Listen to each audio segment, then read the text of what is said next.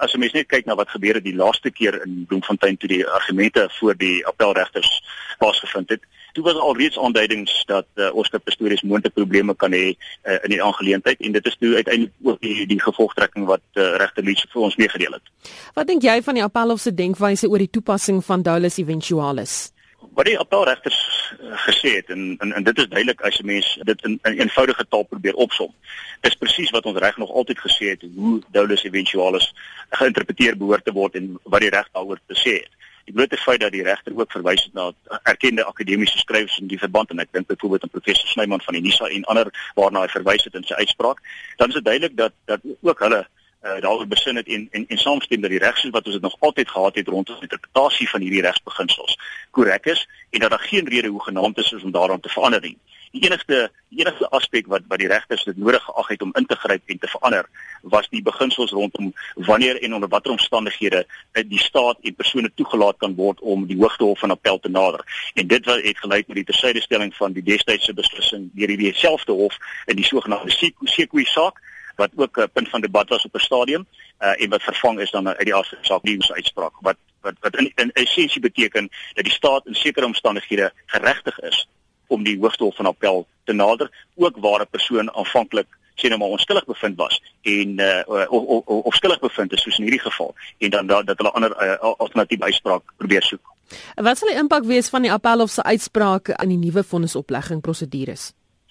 Wat nou moet gebeur is natuurlik die saak gaan terugverwys word na regter Masipa toe.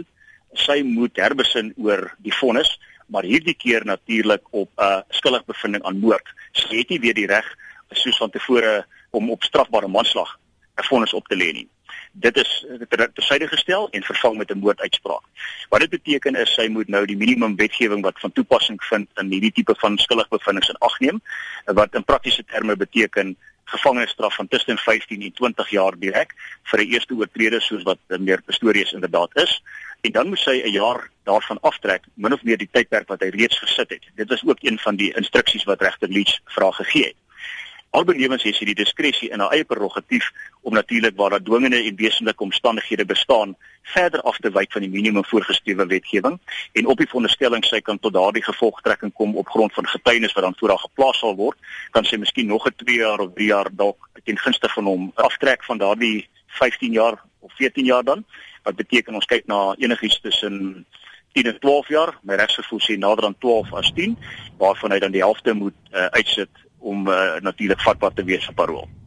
Kan die appelhof uitsprake enigstens 'n negatiewe invloed hê op regter Tokozile Masipa se beeld?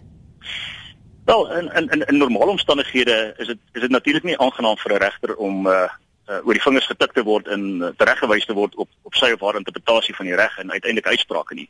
Maar wat regter Leach baie duidelik gemaak het aan die einde van sy uitspraak is dat die feit dat hulle van haar verskil en tot 'n ander gevolgtrekking gekom het en hierdie saak glad nie gesien moet word as enige negatiewe kritiek op regter Masipa se hantering van die saak nie. Die blote feit dat sy onder geweldige druk was, nie net van plaaslike belangstelling nie, maar ook internasionale media ensovoorts, uh en dit ten spyte daarvan eintlik baie goed van haar taak gekwyt het, was vir hulle 'n pleintjie natuurlik in haar hoed uh, en hulle het pertinent in hulle uitspraak daarop gewys dat die feit dat hulle afwyk van haar bevinding glad nie negatief gesien behoort te word in in teenoor te tel in die toekoms nie. Inteendeel, uh, ek meen ek dink hulle het al gekomplimenteer in hulle uitspraak. Maar soos wat die reg nou maar is, dit is gelukkig een goeie ding van 'n demokrasie is wanneer jy nie ontevrede is met 'n uitspraak in 'n laer hof, dan het jy altyd die reg uh, en in in belang van geregtigheid en grondwetlike beginsels om 'n hoër gesag te nader en te vra vir herbesinning oor daardie uitspraak. En uh, dit is tog waarvoor ons appelprosedures het en die feit dat mense op appel van tyd tot tyd wen is juis aanduidend daarvan dat selfs ons regsgeleerdes en regters en landdroste van tyd tot tyd kan fouteer en baie maal fouteer. En dit is maar net deel van die stelsel. Uh, en, en ek dink dit is uh, in, in teendeel die wyse hoe dinge behoort plaas te vind